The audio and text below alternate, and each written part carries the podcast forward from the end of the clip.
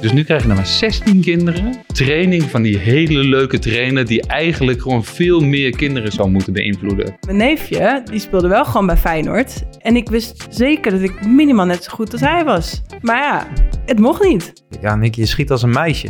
Zo'n opmerking is toch helemaal niet normaal eigenlijk? Dat kan nooit de manier zijn waarop dit moet.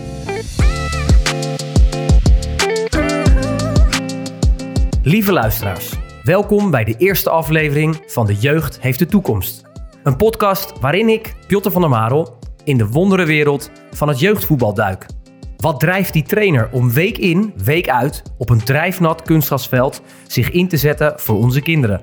Welke keuzes maken bestuurders, voorzitters en coördinatoren om het beste voor onze jeugdspelers te organiseren? En, niet geheel onbelangrijk, wat vinden de kinderen er zelf van? Wat vinden zij nou belangrijk? Samen met mijn co-host vraag ik mijn gasten het hemd van het lijf.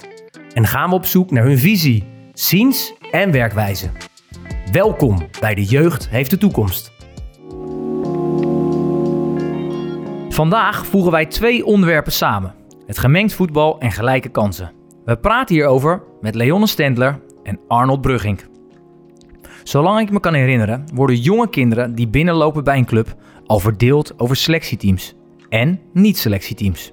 Ieder seizoen sluiten er nieuwe kinderen bij de selectieteams aan en valt de zogenaamde onderkant af. Dit systeem kennen we denk ik allemaal. Maar is dit eigenlijk nog steeds logisch?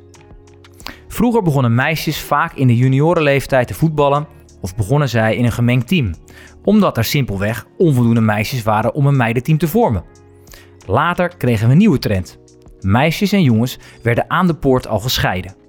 Een veelal gehoord argument: dit is voor meisjes gezelliger, minder hard of te prestatiegericht in vergelijking met samen voetballen met jongens. Is dit nou wel zo vanzelfsprekend? Dat we het huidige klimaat als norm wel accepteren voor onze zoons, maar liever niet zien bij onze dochters. Welkom Leon en Arnold. Leonne, ik wil met jou beginnen. Jij bent verantwoordelijk voor de opleiding en internationale scouting bij de PSV Vrouwen en de jeugdopleiding. Waarom vind jij dat gemengd voetbal nu onder de aandacht gebracht moet worden? Zo. ja, ik vind dat gemengd voetbal altijd al uh, onder aandacht moet zijn. Uh, ik denk dat we daar uh, heel veel successen aan te danken hebben. Dat wij een heel apart, aparte infrastructuur natuurlijk hebben in Nederland. Dat meisjes mee mogen voetballen al best wel een hele tijd met jongens.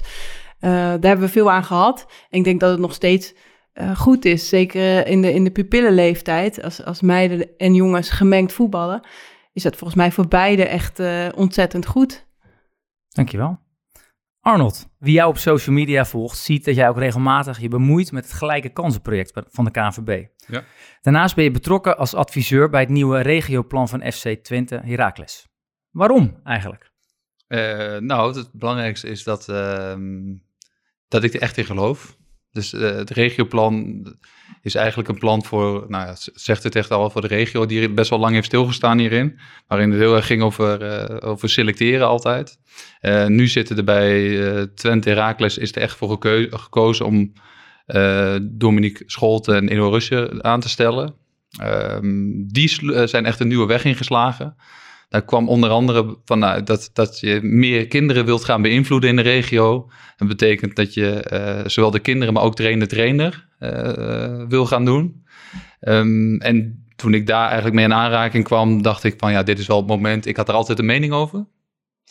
Uh, maar dit was wel het moment dat ik ook dacht van nou, nu moet ik er echt iets mee gaan doen en nu ga ik ook helpen. Dus ik ben met uh, Matthijs Blijham, die daar verantwoordelijk is voor het regioplan zeg maar bij, bij ons ben ik, alle, ben ik de grootste amateurclubs afgegaan. De 30 grootste amateurclubs om het plan te presenteren. En nou ja, om in ieder geval iedereen ook te bewust van te maken wat er gebeurt over het algemeen in jeugdvoetbal en wat er ook bij amateurclubs gebeurt. En uh, nou, dat vond ik heel erg leuk. Maar dan, en ik schrok er ook wel van. waar schrok je het meeste van? Nou ja, wat er gebeurt. Dus uh, dat amateurclubs zich totaal niet bewust zijn van uh, dat, er, dat de sterkste bij de sterkste worden gezet. En moet zeggen, niet allemaal hoor. Een aantal zeker ook wel. Maar best wel het grote, grootste gedeelte is voornamelijk ook bezig met uh, van ja, maar ja, we willen eigenlijk gewoon die wedstrijden winnen. Dan praat je ook echt over de over pupillenleeftijd. Dus jongens praat je onder, onder, onder 9, onder 10. waarin je de grotere amateurclubs tegen de grote amateurclubs in de regio speelt, maar ze willen wel winnen van elkaar. Nou ja, ja dat ga je dus doen op het moment dat je de sterkste tegen de sterkste laat spelen. Ja, en, en, en meisjes, die, die willen minder winnen tot 12 jaar? Of wat, wat, wat denk jij, Leon? Nee, ik denk dat het niet zo is. Ik denk dat het echt een eh, best wel een eh, hardnekkige aanname is dat, eh, dat meisjes misschien lief- liever in een gezelligheidsteam willen spelen, terwijl dat mijn ervaring echt helemaal niet is. En zeker, zeker niet op die jongere leeftijd. Die willen gewoon eh, precies hetzelfde doen als, eh, als de jongens en, en, en de rest op de club. Ehm, maar dan helpt het wel dat ze dezelfde route kunnen mogen afleggen. Leon, ik heb een dochter Ja, die eh, voetbalt van tien. ja, Dus het is ook wel echt de leeftijd Ja. waar, waar we het natuurlijk over hebben. Die wil alleen maar winnen. ja. Echt. En die, dat is huilen als ze verliest. Dat is echt drama. Is dat. Maar ik, heb er ook, ik, tra- ik train dat team ook bij die meisjes. Dat is dus wel een meisjesteam. Dat is hartstikke, echt hartstikke leuk. Maar er zijn er dus een aantal die vinden het ook... Ik heb echt een aantal die zijn echt zo bloedfanatiek. ja. En dat is, gaat bij mij ook totaal niet om, hè. Eh, totaal niet op dat ik denk van, hey, zet die tussen de jongens. En dan is het precies hetzelfde. Zij, zij willen dat ook. Ja. Echt exact hetzelfde. Het En- maakt geen verschil. Nee, en ik, het gekke is, hè, maar ik heb dat wel pas in de gaten op het moment dat ik, dat, dat ik, een, dochter, dat ik een dochter heb die heel Ja. graag wil voetballen. Maar dat merk Dat je echt heel zo. veel. Maar dat is heel grappig, want ik denk dat het, dat het heeft, mee heeft te maken dat we heel veel eh, aannames hebben. En ik denk Ja. dat er ook tussen de jongens eh, natuurlijk ook gewoon jongens rondlopen die misschien eh, wel ook bijvoorbeeld voor de gezelligheid willen voetballen, voor het leuke en niet per se de topprestaties willen. Ehm, en dat heb je bij meiden net zo goed. Alleen wordt al snel aan de voorkant gezegd: oké, jongens willen dit altijd en meiden willen dat altijd. En dan, dan, dan ga je dat bevestigend, denk ik, ook zoeken ehm, en daar eigenlijk naar handelen. Maar hoe doorbreek je, denk je dat, eh, Nick? Binnen Ja, een club? Dat is een goede vraag. Ik denk dat dat start met bewustwording. Eh, ik denk dat jij daarom ook ingestapt bent bij, Ja. bij Twente, Arnold. Om, Ja. ja. om dat ook kracht bij te zetten bij, bij het verhaal van, eh, van mensen van Twente. Ja, dat het daarmee start. Goed informeren. En, en eh, volgens mij, Leon, en jij zei het net al, je hebt een topsportachtergrond, die hebben jullie allebei. Ja, de beeldvorming is wel dat, dat, dat je daardoor eh, vroeg moet selecteren, dat dat daarbij past. En dat moet je eigenlijk doorbreken. Dus Daarom ben ik ook wel benieuwd. Ja, je hebt een topsportachtergrond. Ik denk dat veel mensen zich ook verbazen, Arnold, dat jij je hier zo voor, voor uitspreekt. Ehm, ja, het, het, het, zal je een voorbeeld geven. Het, het komt eigenlijk... De, ik, heb, ik heb drie kinderen. De eentje is eh 16 die tw- en, en twee, eh, twee jongens. Eentje van 16, eentje van 13. Die van 13 die zat in, een, in dat selectietraject van... In dit geval alleen nog FC Twente toen hij 10 was. Dus dat ging voor de onder 11 van FC Twente. En dan stond ik wel eens langs de kant te kijken. En er stonden 50 jochies op een veld. En dat was gewoon die afvalrace. Dat je oké, welke... En ik stond daar te kijken. Ik, en ik dacht echt wel, ik denk, wie gaat hier nu overblijven? Ik denk er ook wel enigszins wat verstand van te hebben. Hè? Eh, dus dat moet Denken ook we wel- allemaal, Arnold. Ja, maar, en, en, en het stomme is, dus er komt een, moeder naar mij toe en er stonden dus, eh, wat ik zeg, 50 jochies op het veld. Dus er was in dit geval alleen jongens. En er kwam mijn moeder naar me toe en zei, Arnold, mag ik iets vragen? Hoeveel van deze kinderen halen het betaald voetbal, zei zij tegen mij. Dus toen zei ik, nou, wat, wat denk jij? Zei ze, nou, ongeveer de helft. toen dacht ik, toen zei ik tegen haar, nou mevrouw, mag ik één ding zeggen? Als hier ooit één iemand van al deze kinderen überhaupt een eerste elftal had van een betaald voetbalclub, dan is het al echt heel veel. En daar schrok zij heel erg van. Maar het, ging- het kwam er eigenlijk om neer, het is, er liepen twee superleuke trainers op het veld. Die echt, echt goed waren. Also, die waren bezig met die kinderen. En dat groepje werd maar kleiner en kleiner en kleiner. En ik zag ook wat dat deed bij hem. Eh, Mijn middelzoon viel, nou ja, die viel af. Hè? Dat is ook al zo'n woord natuurlijk. Hè? Die stroomde uit. Eh, net in dat laatste, bij de laatste zes kinderen. Nou, dat was drama natuurlijk. Maar toen dacht ik, dus nu krijg je nog maar 16 kinderen. Krijgen dus training van die hele leuke trainer. Die eigenlijk gewoon veel meer kinderen zou moeten beïnvloeden. Van die twee trainers. Toen dacht ik, dat kan gewoon niet waar zijn. Ik denk, dat kan nooit de manier zijn waarom dit, waarop dit moet. En zo ben ik er wel een beetje in gaan verdiepen. Dat ik dacht van, ja, dit moet anders. En daardoor ben, ik- daardoor ben ik daar veel meer mee bezig gegaan uiteindelijk. Dat ik dacht van, nou, er moet een andere manier voor zijn. En daar wilde ik me wel hard voor maken. Ik denk ook dat we nu, dat we met, dit, met deze twee thema's, aan de ene kant gelijke kansen, maar ook gemengd voetbal, dat het ook wel elkaar heel erg raakt. Eh, want ik denk ook dat we meisjes uitsluiten eh, als we al gaan selecteren. En dat doen we omdat ik denk ehm, dat, dat we het al 20, 30, 40 jaar doen. Maar hoe bre- doorbreken we dat stukje, Leonne? Ja, Dus- dat, zit, dat zit hem natuurlijk ook in een heel groot deel in bewustwording. Ik denk dat het hele klimaat natuurlijk van begin af aan is gemaakt op jongens. En langzaamaan kwamen er langzaam, ja, meiden mochten daaraan meedoen. Het heeft eh, heel veel eh, voet in de aarde gehad.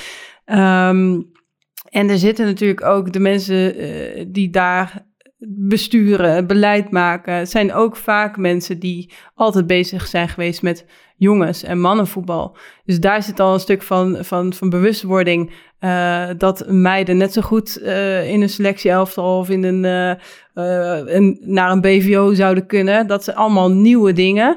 Ehm, en dat er dus in essentie, want dat is natuurlijk nog een stap verder. ehm, we zijn natuurlijk al geneigd, ik denk iedereen die je vraagt, wat, wat heeft een hoger niveau, dan zal iedereen zeggen jongensvoetbal. Terwijl ik geloof echt, als je, als je kinderen tot acht jaar bij elkaar zet, dat je gewoon geen enkel verschil ziet. Misschien nog wel ouder. Ik denk wel ouder. Ja, nog, en, Ja. de- de- ik stel hem inderdaad heel Ja. voorzichtig. Ja. Ja. eh, ehm, maar dat, en, en dus denk je al van, maar waarom kun je vanaf die leeftijd niet gewoon samen eh, ehm, laten voetballen en dan maar eens kijken waar het eindigt. Maar wij gaan al gelijk alweer kijken van, oké, maar dit is dan selectie jongens en dat is dan dit niveau. En dan moeten die gauw eh, naar de selectie meisjes. Nou ja, selectie, dat is eigenlijk geen selectie. Er zitten ook geen goede trainers op, et cetera. Alle gevolgen van dien. Ehm, dus ja, er, zit, er zitten heel veel kansen nog eh, om, om dat te verbeteren. En het heeft echt mee te maken waar kies je voor en waar, waar ben je je bewust van. En eh, die vooroordelen eruit donderen Ja, eigenlijk. daar, daar sloeg ik net wel op aan, Leon, toen je dat zei bij je eh, introductie net. Want we hebben het hier over norm, hè? dat wordt eens een paar keer gevallen. En jij gaf net aan, ja, gemeente voetbal, daar heeft het, het, het succes van het vrouwenvoetbal ook veel aan te danken. Ja, Uh, je hebt het zelf ook gemengd gevoetbald, maar nu hebben we het nog over ja, de meest talentvolle of ambitieuze meisjes. Maar het klinkt ook nog als een uitzondering voor alleen de meisjes die het... Maar we willen natuurlijk naar een nieuwe, nieuwe norm toe. Maar ja, daarmee begin, heb jij het ook echt als een uitzondering ervaren? Dat jij zelf gemengd speelde? Was jij de uitzondering binnen? Ja, ja, zeker. Kijk, mijn moeder ging naar de club toe om te vragen of ik daar als meisje mee mocht doen. Want dat, er waren geen andere meisjes, überhaupt niet. Dus ik heb gewoon altijd als enig meisje daar gezeten. Tot ik op een Bij gegeven de moment... hele club? Bij de hele club. Eh, totdat ik op een gegeven moment in de competitie speelde ik eh, tegen Manon Melis. Die zat bij een ander jongensteam. En toen waren we twaalf of zo. En Oud we- International ook? ook uit Internationals. En toen, eh, we zaten al wel bij zo'n district teampje. En die zei toen van, Dat moet je ook even uitleggen. Een districtteam. Oh, dat is, sorry. eh, Ja, eh, KNVB natuurlijk. je Ja. Jeugdplan Nederland. Daar, eh, dat is op een Je gegeven werd moment bij, eh, geselecteerd. ik was inderdaad onderdeel van de selectie in de regio Rotterdam was dat. En zo kenden we elkaar. En we kwamen elkaar tegen in de competitie. Dus toen zei ze ook van, ja, eh, kan je niet naar RVH komen? Want dan, dan zitten we tenminste samen in de kleedkamer. Het is veel leuker. Toch wel, je bent ook op zoek naar plezier. En op die leeftijd word je natuurlijk echt gescheiden. Hè? Daarvoor kun je nog wel gemengd in de kleedkamer. Is geen enkel probleem. Tenminste, in mijn tijd. Ik weet niet hoe dat nu is. Voorzichtig ook. Ehm, maar dat is, je gaat puberen en dan wordt het allemaal, ja, dan worden die verschillen natuurlijk qua gedrag wel echt anders. En dan is het wel, denk voor meiden best wel een lastige periode om gemengd voetbal te spelen. Ehm, ik, dus zij vroeg dat eh, ook daar toestemming gevraagd. Toen een, eh, toevallig de trainer was ook onze gymdocent. Dus die was eh, pedagogisch wel een stukje verder, wil ik zeggen, dan de gemiddelde voetbaltrainer op de amateurvereniging. En die zei ook van, eh, ja, weet je, op basis van wat je laat zien, eh, kom er alsjeblieft bij. Ehm, maar wij waren de uitzonderingen en eh, dan heb je het ook gewoon letterlijk over aantallen. Ik denk dat we een hele inhaalslag hebben gemaakt hier in Nederland, eh, maar we zijn nog steeds met, ja, het is 10% van het hele voetballandschap. En het voetballandschap, wat ik zei, het is zo gefragmenteerd voor meisjes specifiek. Eh, je kan op, in ieder dorp eh, is een voetbalvereniging, dus je kan ook overal voetballen.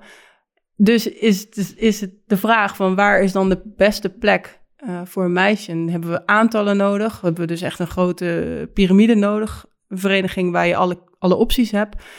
Of blijft het inderdaad een, eh, een uitzondering bij, bij één vereniging met een aantal meiden? Moeten we niet... ehm, eh, moeten we juist dat gesche- wel gescheiden houden? Want dat zorgt er ook voor dat meiden het gewoon dat plezier blijven houden.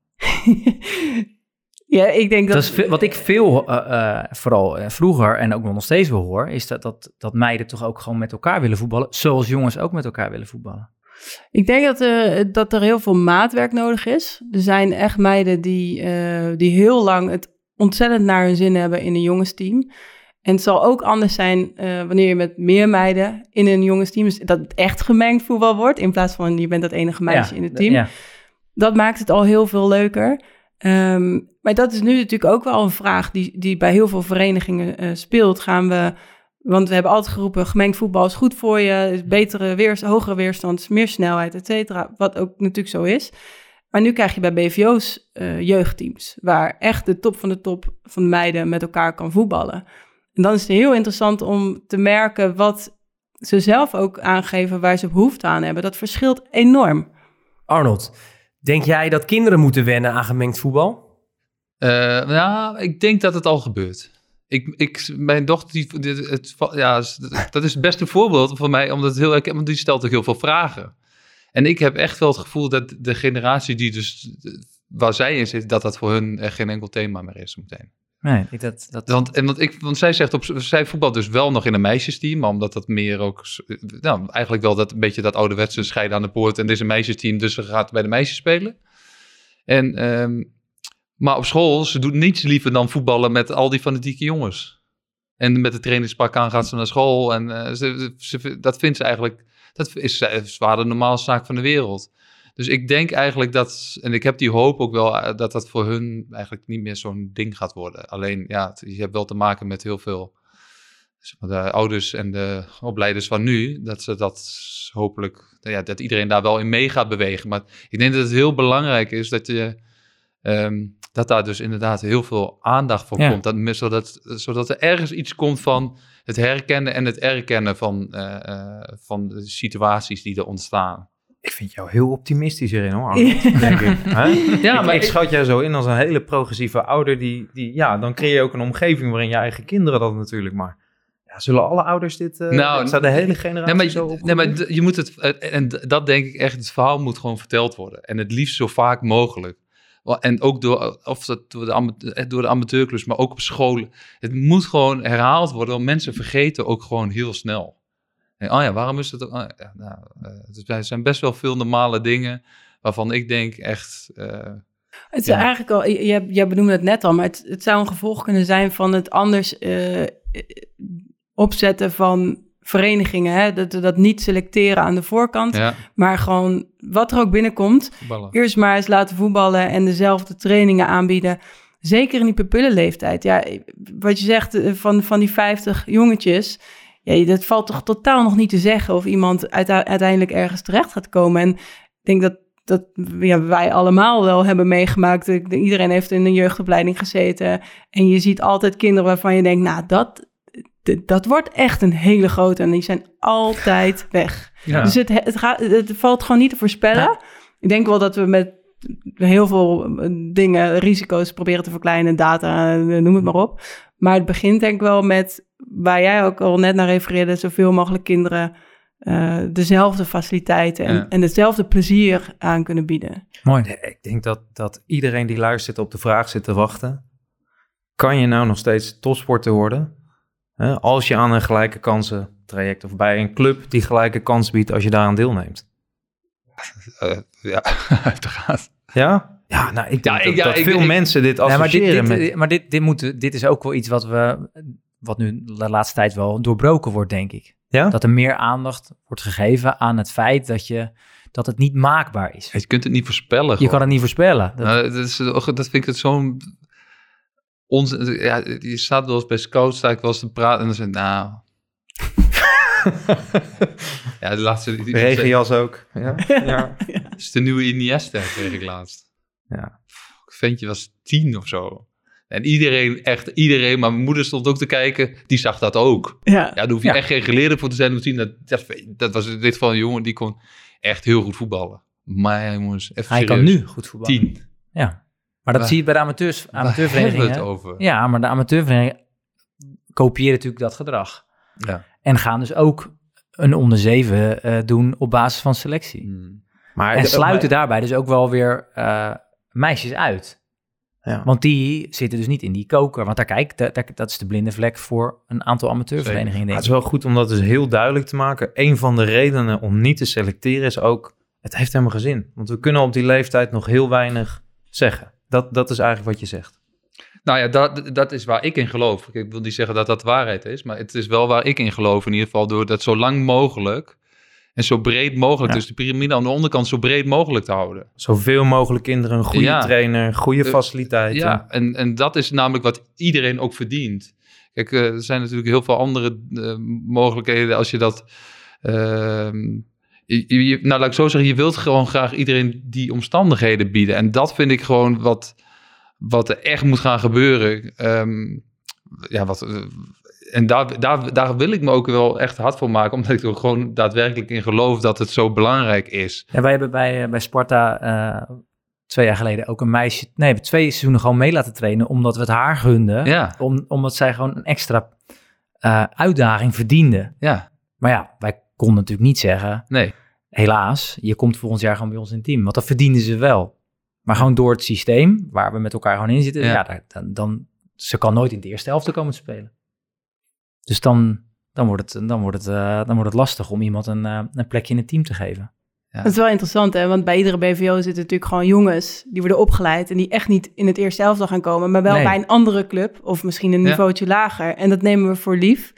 En bij een meisje is dat een beperking, want opeens is dat perspectief er niet, terwijl er natuurlijk genoeg BVO's inmiddels zijn. Eh, helemaal eens. Ja, mijn, mijn- dus mijn dochter die vraagt aan mij, papa, kan ik worden gescout? Ja, Eh, eh, eh, n- n- ja, nee, eigenlijk. Ja, maar hoezo kan dat dan niet? Ja, eh, er is geen, eh, nog geen meisjesteam eh, van Twente Heracles van de onder 13 of onder 12 of onder 14. Dat bestaat gewoon niet. Oh, nou ja, dat vindt ze best wel teleurstellend dat ze dat hoort. ja, ja. ja ik heb dit vroeger precies zo Ja. aan mijn ouders gevraagd. Van, ik wilde me ook voor zo'n talentendag bij Feyenoord, was dat toen Ja. nog, aanmelden. Ja, dat kon niet. Ik dacht, ja, maar hoezo niet? En mijn neefje, die speelde wel gewoon bij Feyenoord. En ik wist zeker dat ik minimaal net zo goed als Ja. hij was. Maar ja, het mocht niet. Maar dat moet je als meisje, dat vind ik wel mooi, dat vind ik wel bijzonder, Leon, als ik daarnaar kijk. Dat moet je wel echt heel graag willen. Hè? Wil je door die puberteit en wil je dan nog steeds, nog steeds die motivatie hebben om maar tegen die Ja. jongens te blijven spelen, waarvan je ook denkt van ja. Dus die groep zou veel groter moeten worden, die, om Ja. daar veel meer meiden in te gaan. eh, Ja. Nou, die groep groter, ja. Of we moeten die norm voor de jongens gewoon veranderen. ja, nou ja, dat klopt. Als zij het normaal vinden om een meisje als teamgenoot te hebben. Maar ik denk ook dat, wat denk je, wat denk je dat, hoe kinderen erin staan? Want dat is natuurlijk, dat, die worden weinig, eh, ge- hun mening wordt weinig gepolst. Tenminste, eh, als je ze polst, dan Zitten krijg wij je... als volwassenen hier Ja, weer te bedenken hoe ja, kinderen ja. moet een paar eh, kinderen hier aan tafel hebben. Ja. Maar het is toch echt precies wat wij ze voorleggen. Ik bedoel, het is toch ook geen enkele discussie dat jongens en meiden in de klas samen zitten. En dat, dat is gewoon zo. Dus ik denk ook, als het gewoon zo is, dan zijn die vragen er niet. Maar die vragen komen ook helemaal niet. Nee, ja, dat geloof ik ook. Alleen ik, ik denk wel dat, dat aan de clubs het is om, om dit te blijven herhalen en het ook goed uit te leggen. Want ik weet wel zeker dat er ouders hun, hun zoon, Zeker. misschien wel een dochter, van de, van de club af gaat halen. Ja. Ja. Maar dat moet je volgens mij als amateurvereniging ja, voor lief nemen als je hierin gelooft. Ja, de lijnen die in het mannenvoetbal natuurlijk er zijn, zo wordt er gedacht. Dat, dat is heel logisch, maar terwijl je eigenlijk even weer helemaal terug wilt naar waar we het hier over hebben. Van wat Ja. is nou het beste voor een kind? Ja. Gewoon los van of het een jongen of een meisje is. Wat is nou het beste? Ja, wij hebben ehm, deze, je hebt ook nog wat vragen, deze vraag eh, en nog meer vragen gesteld aan Patrick Ruel. En hij is pedagogisch adviseur bij de KNGU en de KNVB. En eh, hij heeft ook een vraag voor ons. Hoi, ik ben Patrick Roel, pedagogisch adviseur bij de KNVB. Ouders willen graag het beste voor hun kind. Dat is in de ogen van veel mensen het selectievoetbal. Daar krijg je vaak meer kansen, betere trainers, betere faciliteiten en meer trainingsuren. Als ouders daarin meegaan, zijn ze vaak minder gericht op het welzijn en of de ontwikkeling van hun kind. Dit kan ervoor zorgen dat een kind minder waardering krijgt wanneer het iets leert dan wanneer het wint. De druk om te presteren gaat omhoog, kinderen kunnen plezier gaan missen en of zelfs faalangst ontwikkelen. Een vraag voor jullie. Hoe nemen we ouders, trainers en andere betrokkenen mee middels gelijke kansen en gemengd voetbal in het creëren van een prettig, sterk ontwikkelklimaat voor alle kinderen? Dus hoe nemen we de betrokkenen mee Ja? ehm, ja, binnen eh, de ontwikkelcultuur, klimaat, wat, je- wat je kan creëren op een club? Ehm, En ik denk dat het goed is om daar nog even zijdelings ehm, met elkaar denk ik, over te hebben, over het selecteren aan zich. Ja. Nick, als je eh, naar het amateurlandschap kijkt, dan zie je denk ik, heb jij ook genoeg clubs gezien waar ook afvallers waren bij, eh, bij selectieteams. Ja, zeker. Ja. Zelfs nog een onderzoekje ook ooit is naar gedaan. Ja, wat mij daar heel erg in verbaasde was dat de nummering van teams alleen al, en of je nou selectie of niet selectie eh, bent, dat dat best wel iets kan doen met, met het zelfbeeld van, van kinderen. Dus het kan één teampje verschil zijn, de onder 13 3 of, of 4.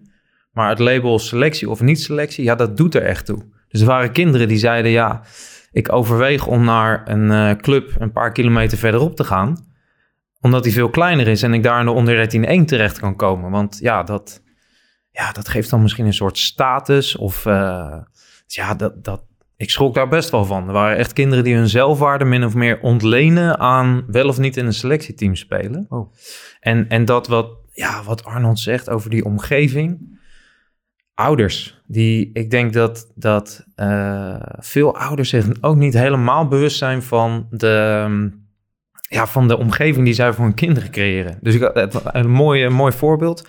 Er was uh, een vader die zei, uh, nou, hij hoeft mij niet per se in een selectieteam, maar ik zou het wel leuk vinden. Nou, een half uurtje later sprak ik dat betreffende zoontje. Die zei, ja, nee, ja, mijn vader wil wel echt heel graag dat ik in een selectieteam speel. Ja, om maar, hè, dat heel subtiel, maar om maar ja. Ja, duidelijk te maken wat dat kan doen met, uh, met kinderen. Maar mag, mag ik jullie allemaal een vraag stellen? Je hebt, ik, worstel nog wel eens met het feit van um, wat lastig is. Uh, je wil eigenlijk gelijke kansen krijgen. Hè? Maar ik was als kind heel fanatiek. Heb je op die leeftijd, we praten even tussen de 8 en 12 ongeveer, hè, ga je ook ergeren aan degene die jou tegenhoudt in de zin. Dus je, staat, uh, je bent aan het trainen en je hebt natuurlijk ook een paar enorme slapers erbij, die gewoon, het boeit echt, die staan de helft van de tijd staan ze te kletsen. Maar die hele fanatieke... Maar wat, wat bedoel je dan? Is dat niveau? Ja, is dat, nou, is dat leergierigheid? Of... Ja, maar is dat, is dat, zou je dat om, zou je, zou je de fanatiekere bij elkaar kunnen zetten? Is, ik, ik, Ja, ik, ik denk even hardop, hè. Ik zit daar ook een beetje over te... Ik, te daar worstel ik wel eens mee. Dat- dat ik denk dat heel veel goed. clubs hier ook mee worstelen. Ja, want je wilt ook, je- zeg maar, wat we net, net voor mij gaat het echt over die pupillenleeftijd. Dat je die gewoon allemaal in een soort van brede piramide dezelfde kans moet bieden. En ik denk tegelijkertijd ook, je hebt, op een gegeven moment heb je bijvoorbeeld kinderen die, die in één keer ontzettend groeien. Die zou je, eh, qua lengte, hè? Ja, niet eh, ja. alle andere dingen waar je in kan groeien. Ehm, eh, je kunt, je zou ook bijvoorbeeld kunnen zeggen, we zetten ze allemaal op lengte eh, in eenzelfde training. Weet je, wij hebben natuurlijk alleen gekeken naar, oké, dit is één jaar. En Mhm. dan speel je dat één jaar speel je in de onder 13-1. Ehm, en daarna kijken we weer verder. En dat is dan ook nog eens op leeftijd gebaseerd natuurlijk. Terwijl dat hoeft natuurlijk helemaal niet. Je kunt ook gewoon kijken, oké, dit meisje is, eh is 1,40 meter, dit jongetje ook. Nou, die zijn eh, een beetje fanatiek, Ja. die niet. Op basis waarvan zouden we ze bij elkaar moeten zetten? Ik denk dat dat een vraag is. Nou, maar- Ja? mag Ja, ik- ja, ik, ben, ja, ik ben, wij graag, ik zitten ben allebei, benieuwd naar hè? jullie, ja. Nou, ik, ik, ik zie, ik, het, heeft, ik heeft, het heeft met opvoeding te maken. Dus op het moment dat wij zien dat een kind beter is, dan gaan we hem dus extra uitdagen. En ik denk dat dat ook wel logisch is. Ja, maar Dus- hoeft nog niet eens beter te zijn, maar een beetje leergierig eigenlijk. Maar, Dat- dat je, denkt Je kan, nou, je kan, je, ik denk, en er zijn heel veel clubs die dat nu ook al doen, die dus bijvoorbeeld extra trainingen gaan aanbieden. Ja. Dus je kan elke dag, kijk, in mijn ideale ehm, amateurvereniging kan je elke dag van drie uur, want dan stopt de Ja. school, en sommigen wel van twee uur, van twee tot zes is dat veld van ons. Ja. En we, we geven de gelegenheid om altijd te kunnen trainen. Alleen, ik denk toch dat we toch uiteindelijk gaan we snel selecteren. En dus op, op, gaan we dat ventje gaan we dan toch bij de beste zetten. Omdat vader een gesprek misschien wel gaat aan, aangaan met de club. En die wil, ja, maar hij moet dan wel in de onder 9 1 terechtkomen. Terwijl die Ja. eh 7 is of 8. Ja, en die wedstrijden natuurlijk. Daar Ja, moet je ook iets ja, mee. ja. Ja, maar er, er zijn ook clubs die gooien nu gewoon elke zes weken... gooien ze ook de teams op een hoop. En ik denk dat je in die basisschoolleeftijd... dat je dat ook wel gewoon kan doen. En dat je ook recht doet aan een kind wat extra uitdaging eh, Ja. nodig heeft... of dat Ja. graag wil. Maar ja, onze maatschappij is wel ingericht op dat we de selecteren. Of ja, het nu, ik, ik eh, merkte ook wel in die rondgang in- door, door, zeg maar, door Twente, merkte ik ook dat clubs eh, inderdaad ook een extra vrijdagmiddagtraining. En dat was dus inderdaad, dat is al een begin, hè? Dus Ja. daar gaat het even om. Dat, dat ze het zelf eh, erkennen dat het er is. En dan kwam er inderdaad, er kwam een ventje van de onder 8, 5 of zo, kwam, eh, die kwam elke, elke week. Toen dachten ze, hè? hey, wij dachten dat hij het eigenlijk helemaal niet, dat hij voetbal gewoon wel leuk, maar niet zo. Toen dachten ze, wacht eens eventjes. En die ging heel snel leren. Ja. En die pakte het heel snel op. Maar die geven dus dezelfde kansen als die. Ja. Ja, Als echt Maar hij staat wel ergens eh, in het teampje eh, een goedwillende ouder nog. eh, Ja. Ja, ik, ik, ik ben ook wel met Leon eens. We, ja, je moet ook iets met die wedstrijden. Dat dwingt clubs ook natuurlijk een beetje om op niveau. Als je een competitiewedstrijdje op niveau speelt, ja, dan, dan moet je bijna als club wel, want je wil ook er niet met 8-0 af. Maar ja, heel radicaal. Hoe ga ik zit te wachten op de eerste club die zegt: wij gaan gewoon alle keuzes aan de kinderen zelf laten. Wanneer ze willen trainen, met wie ze willen trainen, onder wie ze willen trainen, met welke medespelers, welk wedstrijdje ze op zaterdag willen spelen. Nou, hoe zou die club er dan uitzien? Als een schoolplein. Nou ja, over eh, schoolplein gesproken. ehm, ja, welke waarde heeft eh, samen voetballen nog meer? Ja, ik denk, ik denk dat dat überhaupt voor jongens en meiden heel goed kan zijn. Eh, ik, ik, ik, nou, ik wil hem zo stellen, ik denk dat het eh, bijna schadelijk is geweest dat we het altijd zo hebben gescheiden. Dus de echte jongens bij de jongens en jongens sport en, en meisjes die zijn minder. Ehm, terwijl je, als je ze gewoon samen laat opgroeien in zo'n sport, samen plezier laat hebben, leer je ze met elkaar omgaan, eh, leer, je, leer je samenwerken. Eh, ik denk dat jullie nog wel wat aanvullingen hebben wat er pedagogisch gezien allemaal aan, eh, aan vasthangt. Maar eh, ik denk ze- dat het goed effect leren- kan hebben. Ja, ik, dat, dat denk ik ook. Ik denk ook dat, dat het, verschil, eh, het, het verschil is er en daar ook van leren. Ehm, misschien dat meisjes wel veel meer doorzetten en dat jongens daarachter komen. Ja, ik Eh. moet ook gelijk denken dat... Ik, ik heb net een, een zoontje. En, en de cadeautjes die je dan krijgt. Ja joh, Ja, echt. Ja, maar dat zal bij meisjes hetzelfde het zijn. is echt treurig. En het, het gaat ook om dat je dan heel erg van die kaders hebt, weet je wel? Van je bent een jongetje of je bent... het- Ja, vroeger eh, zei de trainer tegen mij... Ja, Nick, je schiet als een meisje. Ja. Het- Ja, dat vind je dan... Maar eigenlijk is het helemaal niet... Zo'n opmerking is toch helemaal niet normaal eigenlijk? En iedereen moet gewoon kunnen zijn wie die... We, hoeven, we hebben die kaders helemaal niet nodig. En ik denk dat het daar ook aan toe kan bijdragen. Dat, dat mensen elkaar ook... eh, dat jongens en meisjes elkaar gewoon zien zoals ieder individu is. En we die hele strikte kaders niet per se nodig hebben. Eh, Arnold, stel dat de kinderen het zelf mogen bepalen. Zullen, zal de minste voetballer dan ook maar vijf minuten speeltijd krijgen? Ehm, Als die bij Arnold speelt wel. Ja. Ligt eraan hoe het erom gaat, hè? nou, ik moet, ik moet eerlijk zeggen, ehm, ik denk als je het aan de meiden zelf laat, dan geloof ik dat iedereen eh, gewoon gaat spelen. Ja, dat, dat is denk ik ook gelijke kansen. Dat je eh, elk kind het recht geeft om dezelfde minuten te maken. Eh, en ik denk dat kinderen daar ook heel makkelijk mee omgaan. En dat ze soms denk ik ook wel zeggen, uit zichzelf, wissel mij maar. Ja, ja maar dat merk ik ook bij mezelf en dat vind ik toch lastig. Dat ik, dat ik denk van, ja, ik denk wel vaak, en dat is ook slecht, hè, maar ik herken, het aan ik herken het ook gewoon aan mezelf. Dus alle goede dingen waar we het nu over hebben, Een stukje zelfreflectie. Ja, daar, daar baal ik zo van van mezelf. Want ik denk ook wel, potverdikke me. Ik wil wel graag, Winnen. ik wil wel graag eigenlijk ook winnen. Terwijl ik denk, hoe ontzettend sneu ben ik eigenlijk gewoon. dat ik daar ook gewoon eh, in sta. Maar ik, ik hou me wel altijd, ik zorg wel altijd dat ik meiden, eh, eh, dat, ik ze zo, dat ik iedereen zoveel mogelijk laat spelen. Altijd. En, ehm, maar het, het is wel grappig wat er ontstaat. Dus, maar hoe, waarom wissel je nou aan? Ja. Weet je wel, dat is wat ze zelf ook gaan vragen. Dus ze gaan daar wel eens echt zeggen, ja, dan moet je maar iets harder je best doen. Doe, doe jij maar iets, loop maar iets harder. Er zijn wel veel dingen die je, eh, die je dan ook die je terugkrijgt. Maar het is wel een enorme spiegel ook altijd voor jezelf. Ik vind het wel grappig hoor, weet je, van kinderen terug. Daarom, kinderen zijn natuurlijk zo puur als ik weet niet wat. Dus dat, ik vind dat altijd, eh, ja, dat werkt bij mij wel heel erg goed hoor. Dat ik, ik moet af en toe ook even terugschakelen. Denk, oh shit. Geef je, ze al, geef je ook al een vaste positie? Nee, dat doe ik nooit. Nee? Nee, maar het is wel heel grappig. Ik heb één meisje die kan supergoed voetballen. Je zet je op die- goal. Sorry? Die zet je op goal. Nee, maar die, die, maar die, staat, die wil altijd aan de rechterkant staan. Want zij kan heel goed naar rechts. En ze is heel snel. Dus altijd naar rechts passeren wil ze. Dus ik zet haar dan heel vaak op links. Omdat ik dan, dan, dan zeg ja, maar ik vind het heel moeilijk. Zeg maar, waarom vind je het dan moeilijk? Ja, want als ik naar de rechts ga nu, dan loop ik tegen iedereen waar iedereen loopt. Zeg, nou, dan ga je bedenken, hoe zou je dat anders kunnen gaan doen?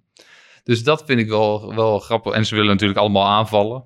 Nu benaderen we het ook natuurlijk heel erg alsof, alsof je heel moeilijk kunt vaststellen wat een positie van een speler wordt. Maar het is, ja, je noemde het net al een beetje, maar het is ook gewoon heel goed voor de ontwikkeling van kinderen, toch? Om verschillende posities te proberen. Ja, als je zo heel eenzijdig uh, rechtsbuiten opgeleid wordt en ja. je staat nooit eens op een middenveld of... Uh, maar is hier niet een prachtig voorbeeld van Kruif van, die Bergkamp een keertje... Ja.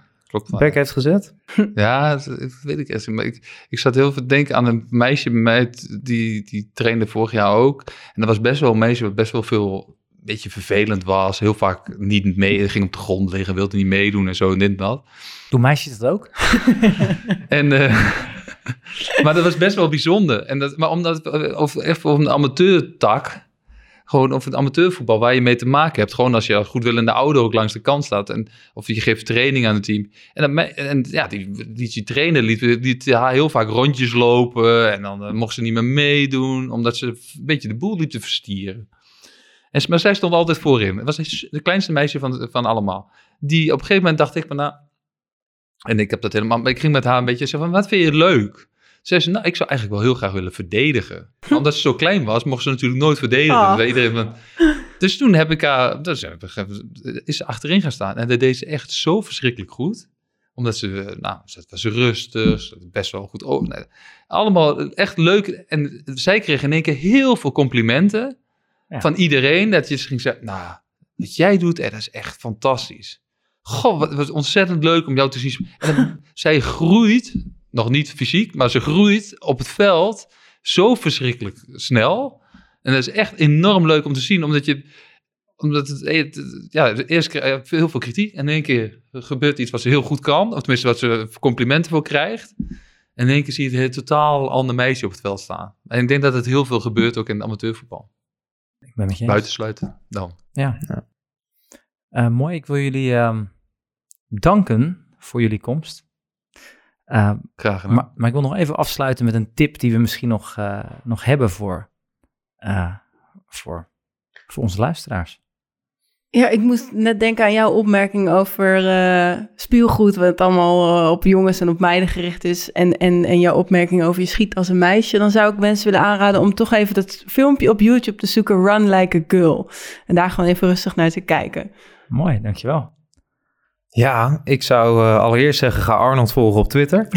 ja, sowieso. En uh, voor het laatste Duitse nieuws. Doe ik ook. ja, precies. nou, ik zou nog wel als tip willen meegeven. Er zijn een aantal amateurclubs die al echt best wel lang experimenteren met, met gelijke kansen.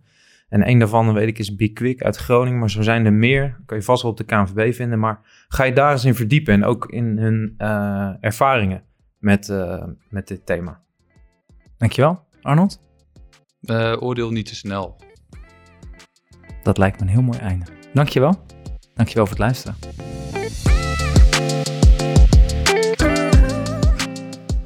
Beste luisteraars, bedankt voor het luisteren naar deze aflevering van De Jeugd heeft de toekomst.